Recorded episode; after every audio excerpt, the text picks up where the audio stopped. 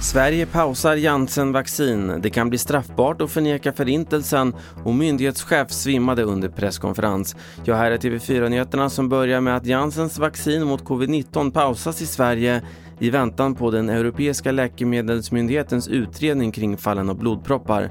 Det här uppger Folkhälsomyndigheten idag. Hittills har 31 000 doser anlänt till Sverige men inga har skickats ut eller använts. Du ser mer om det här på tv4.se. Regeringen vill göra det straffbart att förneka förintelsen, det säger justitieminister Morgan Johansson till Sveriges Radio Ekot. Regeringen ska nu tillsätta en parlamentarisk kommitté som ska se över frågan. Och vi återvänder till vaccinfrågan för tidigare idag kom beskedet att EU inte förlänger sitt vaccinavtal med AstraZeneca efter att det löpt ut. Något som även kan komma att gälla det tidigare nämnda Janssen-vaccinet.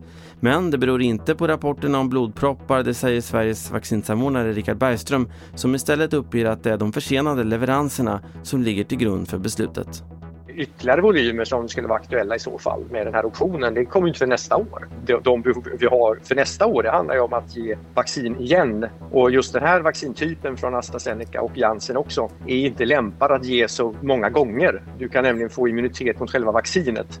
Och från Danmark så meddelades idag att landet redan nu helt slutar att använda AstraZenecas vaccin mot covid-19 och hänvisar till de biverkningar som rapporterats.